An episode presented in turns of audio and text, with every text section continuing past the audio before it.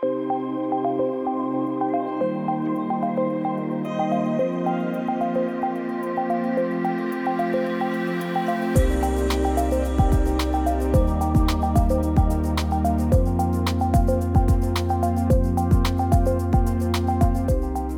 Ez itt az AITK Podcast harmadik adása. Pálmai Zsolt vagyok, a podcast műsorvezetője, mai vendégem pedig Schwarz Emese, az AITK japán szakértője, és ennek megfelelően Japánról fogunk beszélgetni, azon belül is egy olyan belpolitikai kérdésről, amelynek tavaly év végén hirtelen nem elhanyagolható külpolitikai vetülete lett, ez pedig Carlos Ghosn Nissan vezér szökése a japán igazságszolgáltatás elől. Először is nézzük meg, kicsoda egyáltalán Ghosn, és miért érdemes odafigyelni erre a sztorira.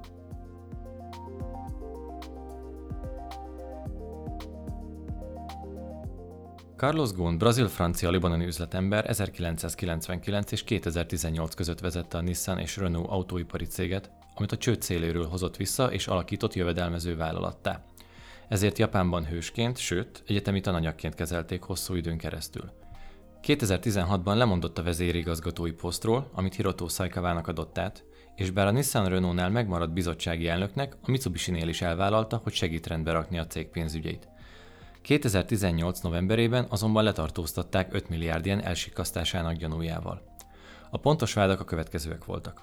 El nem számolt nyugdíjkompenzáció, bónuszok kifizetése közel-keleti leányvállalatoknak, céges pénzen vett ingatlanok és további hasonló elszámolási hiányosságok.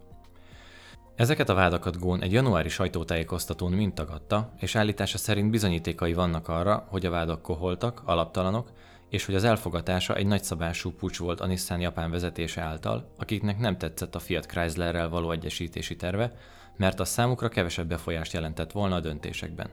Gón története azonban nem csak egy tanmese az üzleti mahinációkról, hanem egy mélyebb, rendszer szintű problémára is felhívta a nemzetközi figyelmet a japán igazságszolgáltatásban. A 130 nap őrizet alatti bánásmód és a tény, hogy ez idő alatt nem tűzött ki a bíróság tárgyalási időpontot, egy olyan eljárás képét vázolják fel, melyet egyes szakértők az alapvető emberi jogokkal és a japán alkotmányjal is összeegyeztethetetlennek ítéltek. Az ügyészség viselkedése a gyanúsítottakkal szemben egyébként is régóta a közbeszéd tárgya a Szigetországban, de Gón esete meglepő kontrasztba állítja a japán igazságszolgáltatást a nyugati demokráciákban megszokott gyakorlattal. Mindez arra sarkalta az üzletembert, hogy 2019. decemberében házi őrizetéből egy hangszerládában hagyja el az országot, és Libanonba meneküljön. Libanon jelenleg elutasítja a kiadatást és az Interpol körözést, amit a japán igazságügy kérelmezett. Igónnak volt alkalma egy rekordhosszúságú sajtótájékoztatót tartani a januárban, amely során beszámolt a vele szembeni bánásmód minden részletéről. Mai adásunkban erről a történetről és a japán igazságszolgáltatási rendszerről fogunk beszélgetni.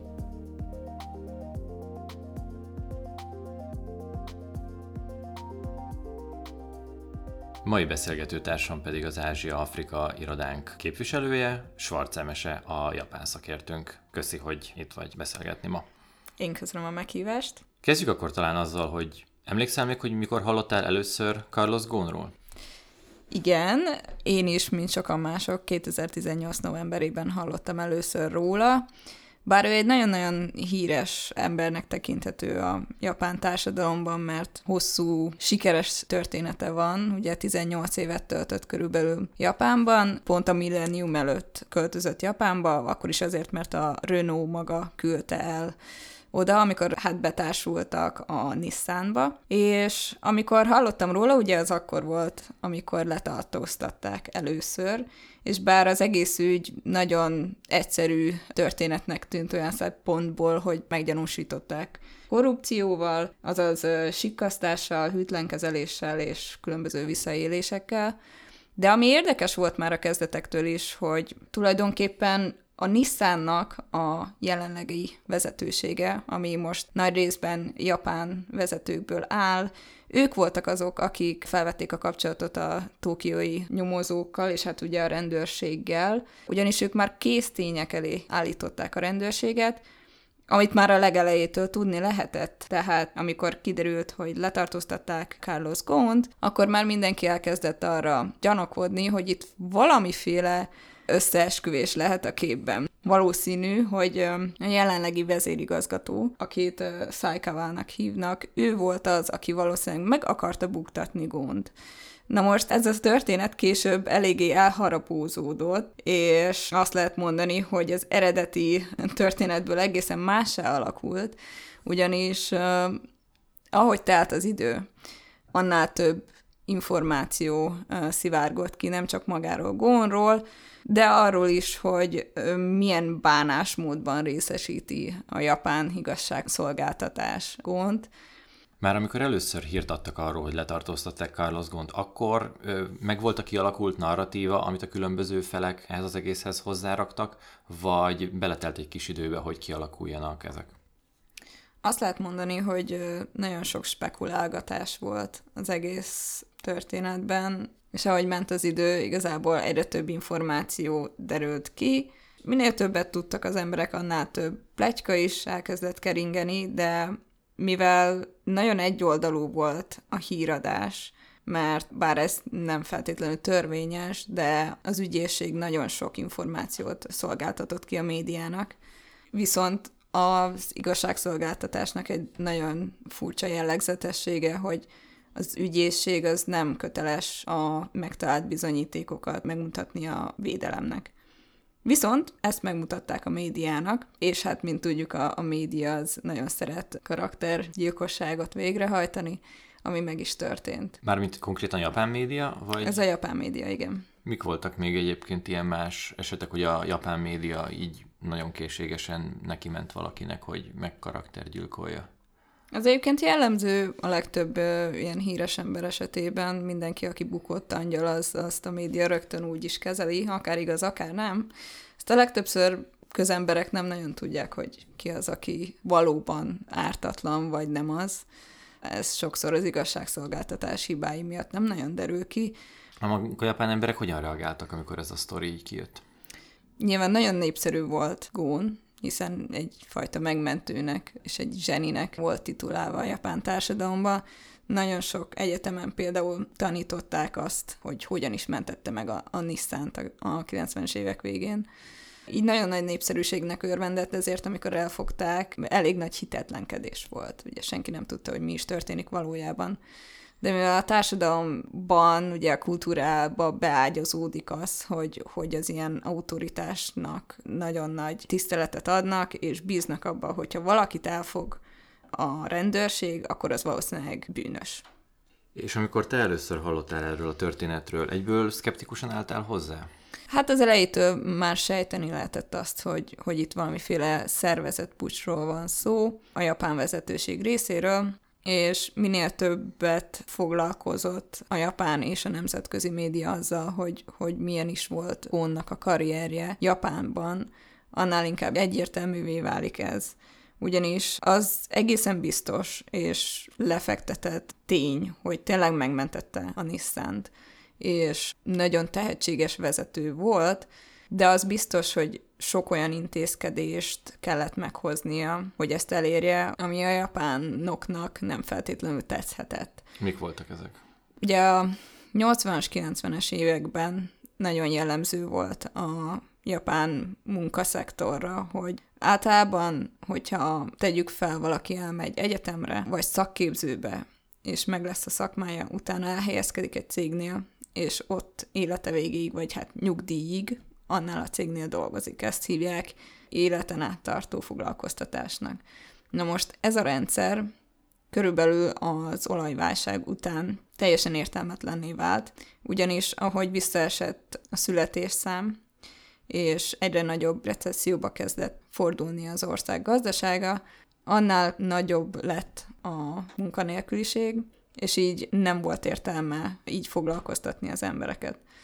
Na most amikor Gón átvette a vezetést a Nissanban, akkor az volt az első dolga, hogy ezt a rendszert megszüntette, és bevezette a teljesítmény alapú bérezést. Ezen kívül a munkanyelvet átváltoztatta angolra, ami nyilván egy japán vállalatnál nem feltétlenül a legelőnyesebb dolog, de hát meg volt ennek az értelme, ugyanis rengeteg külföldi munkavállaló érkezett a Gónnal együtt a Nissanba. Gón úttörője volt valamennyire annak, hogy nyugati embert hozzon be egy válságban levő japán cég, vagy ez már egy bevett gyakorlat? Hát utána talán azt lehet mondani, hogy, hogy mindenki arra számított, hogy kezd bevett gyakorlattá válni, az biztos, hogy úttörő volt ebben. Ez egy nagyon-nagyon szokatlan dolog volt, hiszen a legtöbb japán cég még a külföldi lányvállalatokhoz sem alkalmaz külföldi vezetőséget. És hát nagyon sokan remélték Japánban, hogy, hogy Gón az egész cégvezetési szisztémát meg fogja reformálni Japánban.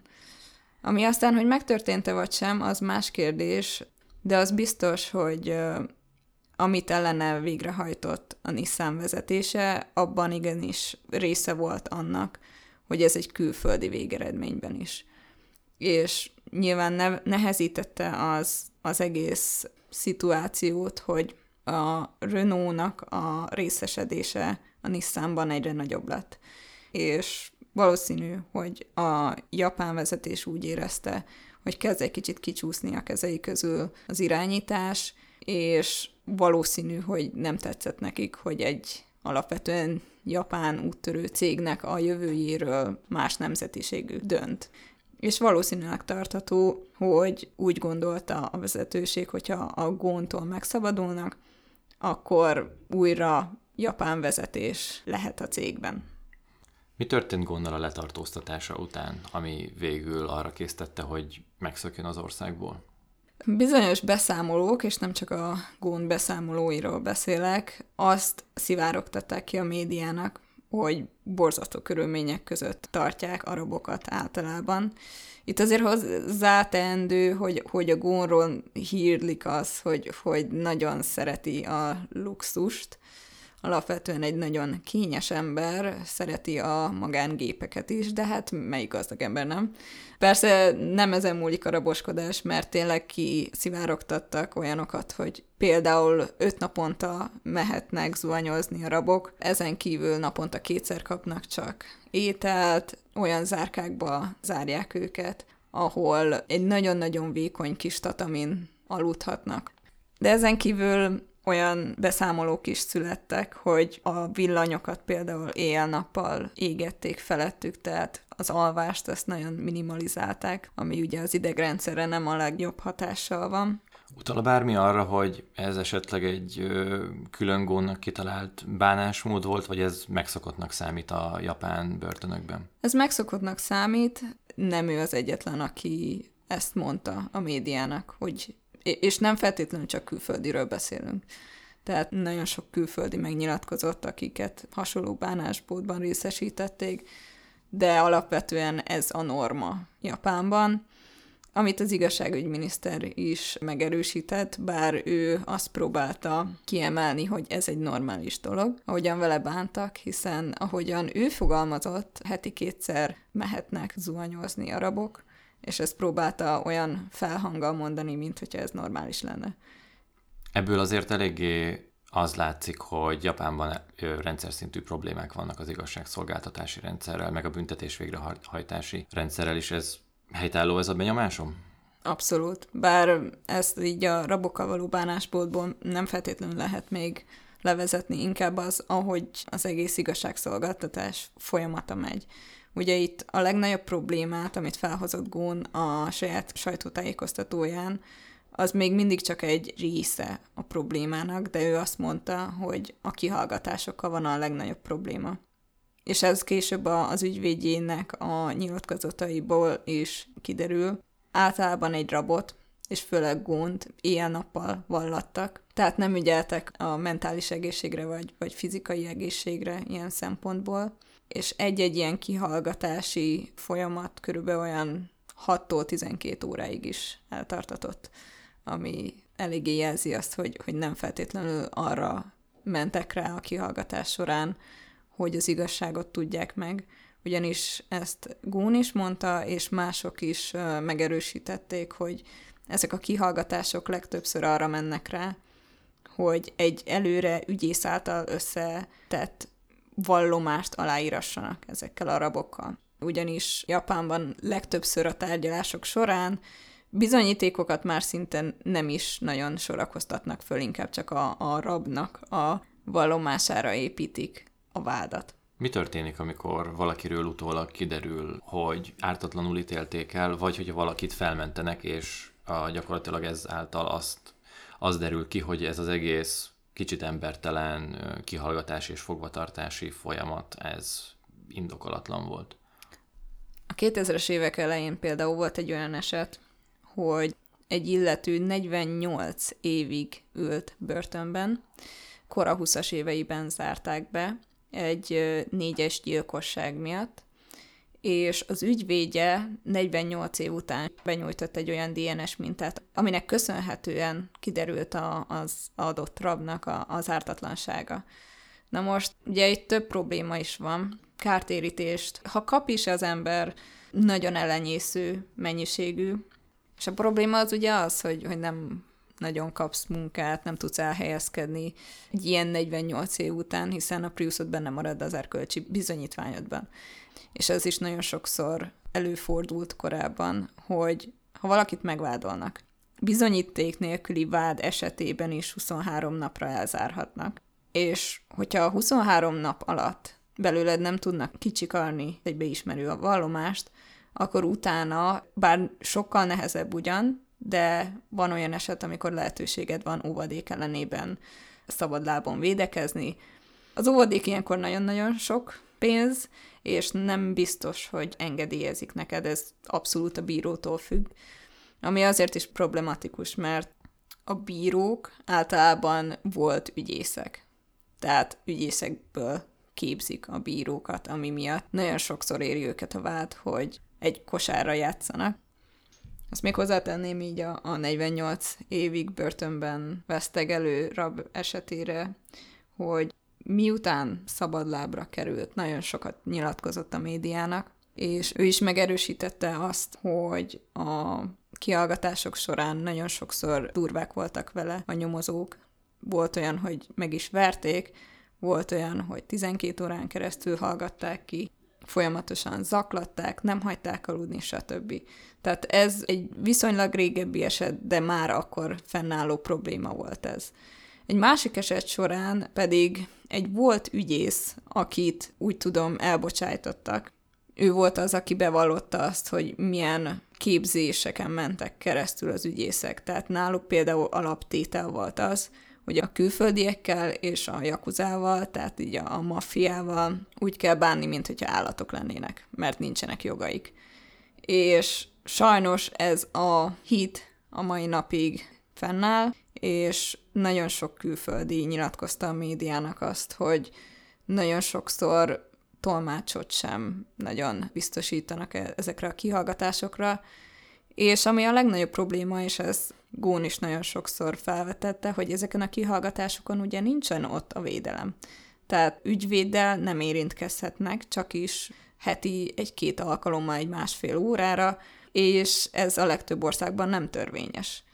Így nagyon nehéz a védelmet, és hát az ügyfélnek a jogait megvédeni, hát még úgy, hogy ugye az ügyészek nem nyújtják át a bizonyítékokat az ügyvédeknek. A japán társadalom egyébként hogyan reagál, amikor egy-egy ilyen sztorinál kiderül, hogy ártatlanul tartottak fogva embert, és hogy egyébként is egy ránézésre roppant igazságtalan rendszer az, ami alapján embereket elítélnek. Sajnos azt lehet mondani, hogy egyébként nagyon keveset foglalkoznak ezzel, főleg azért, mert ez a médiában nagyon kevés esetben jut ki. Olyanokról tudunk beszélni, akik komolyan veszik ezt a dolgot, mint például az, az ügyvédi kamara, van egy ilyen nagyobb szakértői brigád, ezer főt meg a haladó csoport, akik folyamatosan nyújtanak be petíciókat az ENSZ-nél például, hogy a japán rendszer az egyszerűen az emberi jogokat sérti és egy nagyon jól kidolgozott listát is általában benyújtanak, hogy hogyan lehetne javítani a dolgokon. Például úgy, hogy a kihallgatásokat videóra fel kell venni, az ügyvédnek a jelenlétét biztosítani kell, stb. De azt is lehet mondani, hogy a popkultúrában is néha-néha meg szokott jelenni egy-egy utalás arra, hogy mennyire nem igazságos a rendszer, és nagyon sokszor em- szokták emlegetni popkultúrában is, meg amúgy is, hogy az ilyen ítéleti ráta az 99,4 százalék. De ezen kívül sajnos azt lehet mondani, hogy nem sokat foglalkoznak vele a japánok, főleg azért is, amit említettem korábban is, hogy túlságosan megbíznak az ilyen szervekbe, hiszen úgy gondolják, és ez egy konszenzus az egész rendszer részéről is, és a társadalom részéről is, hogyha ennyire magas az elfogási és elítélési ráta, akkor az valószínűleg azért van így, mert nagyon jó munkát végeznek a nyomozók is, a rendőrség is, és az ügyészség is. A végére pedig akkor térjünk vissza még egy kicsit gónra. Mi a japán kormány álláspontja az ügyben, hiszen ez mostanra már egy nemzetközi mini botrányjá dagadt? Sajnos Abe Shinzo miniszterelnök csak annyit nyilatkozott az ügyben, hogy gónszökése elítélendő, ezt az igazságügy minisztérium és a miniszter is megismételte, azzal a különbséggel, hogy ő kitért a különböző problémás pontokra, amiket Gón felvetett, például a rabsága idején történtekre is. Természetesen minden tagadott, és sajnos azt lehet látni, hogy a kormány ezt az egész esetet egy jó fogóckodónak tekinti ahhoz, hogy megszigorítsa a bevándorlás szabályait. Itt gondolok a vízumra, most fognak szigorítani azon, hogy ki juthat be az országba, és mennyi időre, főleg a vízumoknak a megváltoztatására. Tehát, hogy például a, a turista vízumról átrakatni valakit munkavállalói vízumra. És hogy nézett ki a külföldi reakció erre az egész sztorira? Aki ebben érintett, az főleg Franciaország és Libanon. Franciaország nagyon sokáig kerülte azt, hogy megszólaljon ebben a témában, főleg azért, mert ugyan a Renault maga az egy francia vállalat, és egyébként Gón francia állampolgár is, Próbálták kerülni az összetűzést, mert Japán egy fontos kereskedelmi partner egyébként. Annyi a különbség Franciaország és Libanon között, hogy Libanon és Japán között nincsen kiadatási egyezmény ennek köszönheti Gón, hogy még mindig Libanonban lehet, és bár elvették a, az útlevelét, de valószínűleg tartják nagyon sokan, hogy élete végéig ott fog maradni, és az ügy nem fog túlzottan előre haladni. Azonban egy pár hete Emmanuel Macron megszólalt az ügyben, és ha bár nem ítélte el a japán igazságszolgáltatást, tett olyan megjegyzéseket, hogy ő állítólagosan korábban már említette Abe Shinzo-nak, hogy Gón körülményei nem kielégítőek. De ennél több visszacsatolást nem érkezett egyelőre, inkább emberi jogi aktivisták azok, akik megszólaltak ebben az ügyben, de kormány szinten egyelőre mindenki hallgat. Te hogy látod, mik ennek az ügynek a legfőbb tanulságai? Tanulság lehet az, hogy mostanra nyilvánvalóvá vált, hogy a japán igazságszolgáltatási rendszeren változtatni kell, de az is bizonyosan tanulság, hogy a japán kormány, és főleg a japán igazságügyi szakértők hogyan tekintenek a saját rendszerükre. Ugyanis nagyon sokan, és főleg a minisztérium oldaláról reagáltak úgy, hogy a japán igazságszolgáltatás az a kultúrában és a társadalmi értékekben gyökeredzik, ez egy olyan dolog, ami hosszú ideje működik, és épp ezért nem szabad rajta változtatni. De az is biztos, hogy vannak és felszínre kerültek olyan rendszer szintű hibák és furcsaságok, amik elbújtak a feledés homályában, ilyen például ugye a bírók és a, az ügyisségnek a kapcsolata.